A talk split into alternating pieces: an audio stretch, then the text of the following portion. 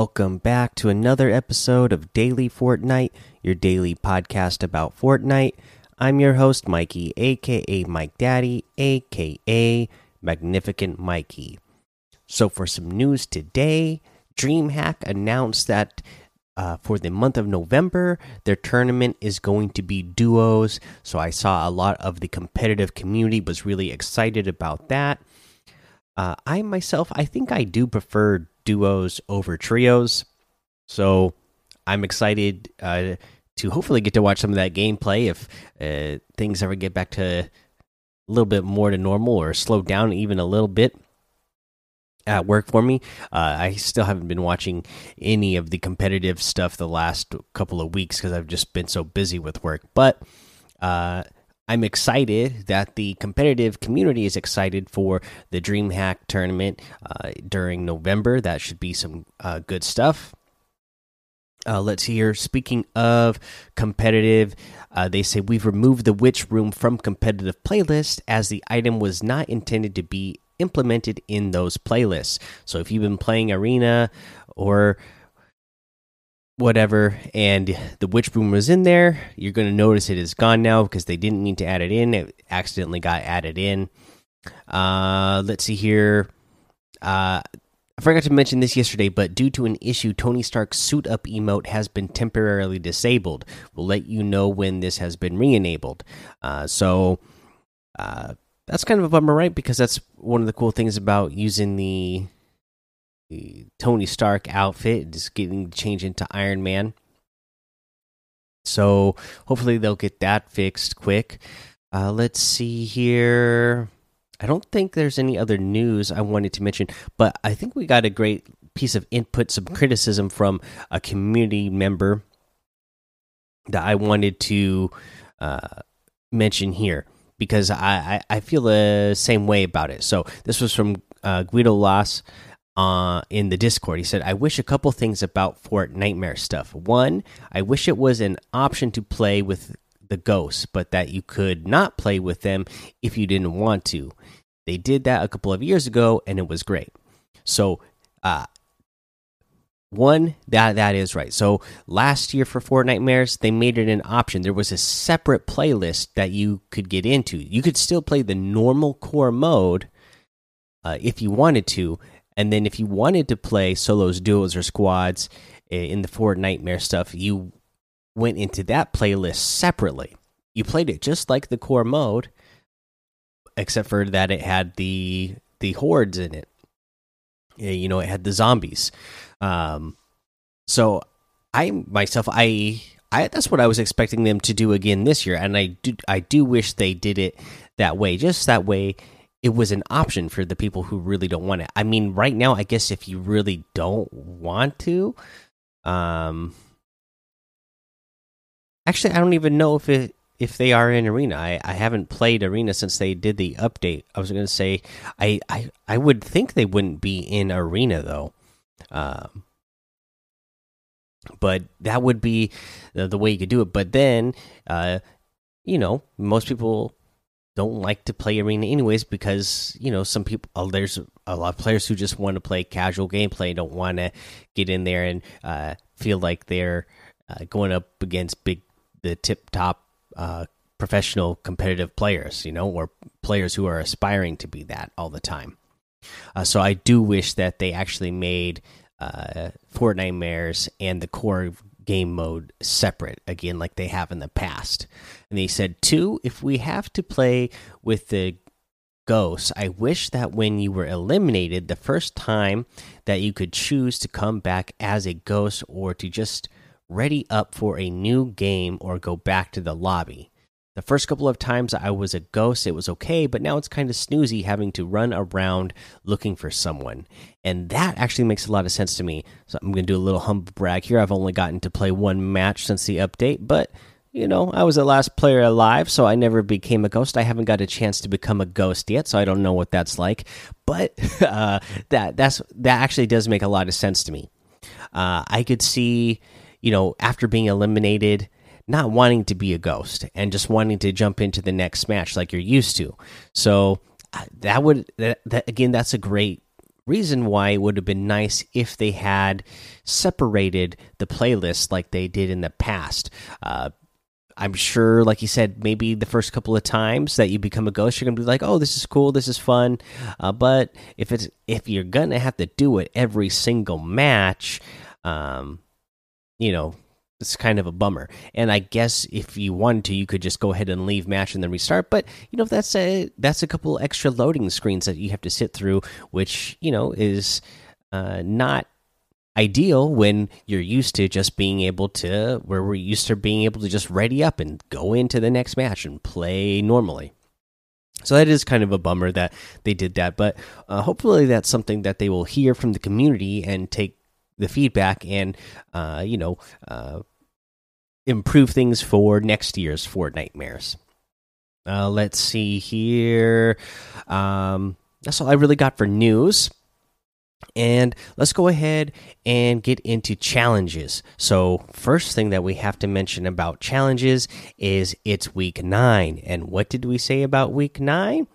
Wolverine, Logan, carrying the weight of many wars. Logan has seen it all. Complete the Wolverine challenges and 60 weekly challenges to unlock the Logan Wolverine style. I believe I mentioned this uh, at some point a while ago that uh, uh, we would get the Logan and you would have to complete 60 challenges. Well, it's week nine, so there's 60 challenges avail available. So you just have to complete up to 60 of them, plus all the Wolverine challenges. Uh, which I'm sure you all have that done by now, and you will uh, have the Logan style uh, for the Wolverine outfit, which is pretty awesome. So let's talk about the challenges that came out today. Let's just quickly go over the list, and then throughout the rest of the week, we'll uh, give you pointers on how to do them. But here's what we got you need to search chests at Holly Hedges, seven, you need eliminations at Slurpy Swamp, three, you need to collect floating rings at Steamy Stacks. Five, you need to dance at the highest spot and lowest spot on the map. You need to land at Shark Sharky Shell and finish top 25. You need to knock back opponents with shockwave grenades, 3. And you need to heal teammates with bandage bazooka and do 400 health in total. And it, that's the one that uh, is recommended for players, I said, but 400 really doesn't seem like a lot. So you should be able to get that done pretty fast. Okay, uh, let's go ahead and take a break right here. This episode is brought to you by Shopify. Whether you're selling a little or a lot, Shopify helps you do your thing, however you cha-ching. From the launch your online shop stage, all the way to the we just hit a million orders stage. No matter what stage you're in, Shopify's there to help you grow. Sign up for a $1 per month trial period at shopify.com slash special offer all lowercase. That's shopify.com slash special offer. All right, let's go over today's item shop now. And it's another huge item shop. It's got all those Halloween stuff that we mentioned yesterday. Uh, plus, they added in the Jawbreaker outfit with the containment unit backbling for 1200 which is which is a great outfit the stickers harvesting tool for 800 uh, the uh, Teeth outfit with the Nosh back bling for 1500, the Globber harvesting tool for 800, the Goo Glider for 800, and the Nashi wrap for 300. Uh, let's see here.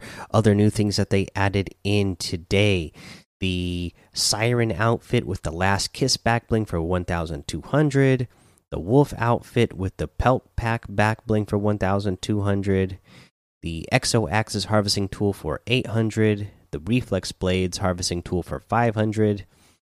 Uh, let's see here the Slurpentine outfit with the Blue Heart back bling for 1500. Really like this one. And the Professor Slurpo outfit with the Slurp Jet backbling for 1500. The Drip Axe harvesting tool for 800. Uh, we got the uh, Doggo outfit with the Chow Down back bling for 1,500. The Doggy Bag back bling for 200. The Chew Toy harvesting tool for 500. The Rough Wrap for 300. You got the Oro outfit with the Radiant Mantle back bling for 2000. The Skellen glider for 1500. We got Vulture outfit with the Containment Pack back bling for 1500. The Scanline wrap for 300. The Busy emote for 500. Uh, the Focused emote for 200. The Windmill floss emote for 500 and the Surf Rider outfit with the short wave back bling for 1200. You can get any and all of these items using code MikeDaddy M M M I K E D A D D Y in the item shop, and some of the proceeds will go to help support the show. Now, let's go ahead and talk about our tip of the day. And this is another trick that I saw done that you can use uh, or that you can do using the mythic abilities uh, She Hulk, uh, Smashers, and the Iron Man gauntlets. So, what you're going to do is uh, fly up with Iron Man gauntlets and then switch over to uh, She Hulk's uh, Smashers and then double jump with those. And it will send you you'll you'll glide a lot farther when you do that. Now, the other thing you can do, of course, is be in some water and then you go into the water, jump out of the water, glide out of the water using Iron Man's gauntlets and then same process switch over to uh, the uh, Hulk smashers and then you uh, will go even farther. Like you'll go really far with just that. But then if you want to go even farther, we've talked about doing this combo with some of the other tricks like this in the past, but you'll throw a crash pad into the water.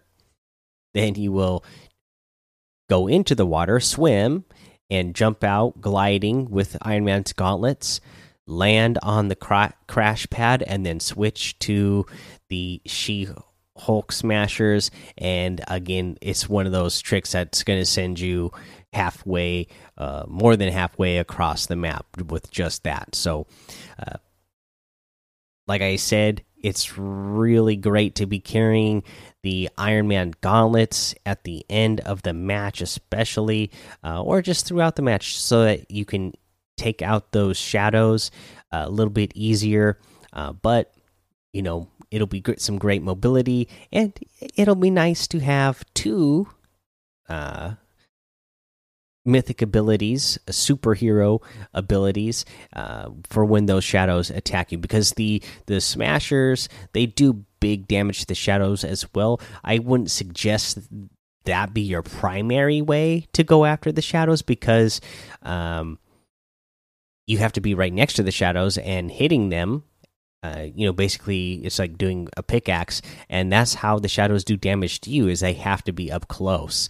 Uh, but it, it, you know, it could be something that uh, you could switch to real quickly if you wanted to do a bigger amount of damage real quick to one of them. Like say you you had one a little bit weaker uh, that you already hit it a couple of times with the gauntlets, and then all of a sudden it jumped up and, and dashed to you and got really close, and you know you don't want to take the risk of getting hit a couple of times. So maybe you've already used the the glide on the gauntlets so it's still on cooldown so you can switch over to the smashers real quick and uh, probably just hit that shadow one more time or uh, twice and get it taken care of for sure but that's the episode for today, guys. Go join the daily Fortnite Discord and hang out with us. Follow me over on Twitch, Twitter, and YouTube. It's Mike Daddy on all of those. Head over to Apple Podcasts, leave a five star rating and a written review for a shout out on the show. Make sure you subscribe so you don't miss an episode. And until next time, have fun, be safe, and don't get lost in the storm.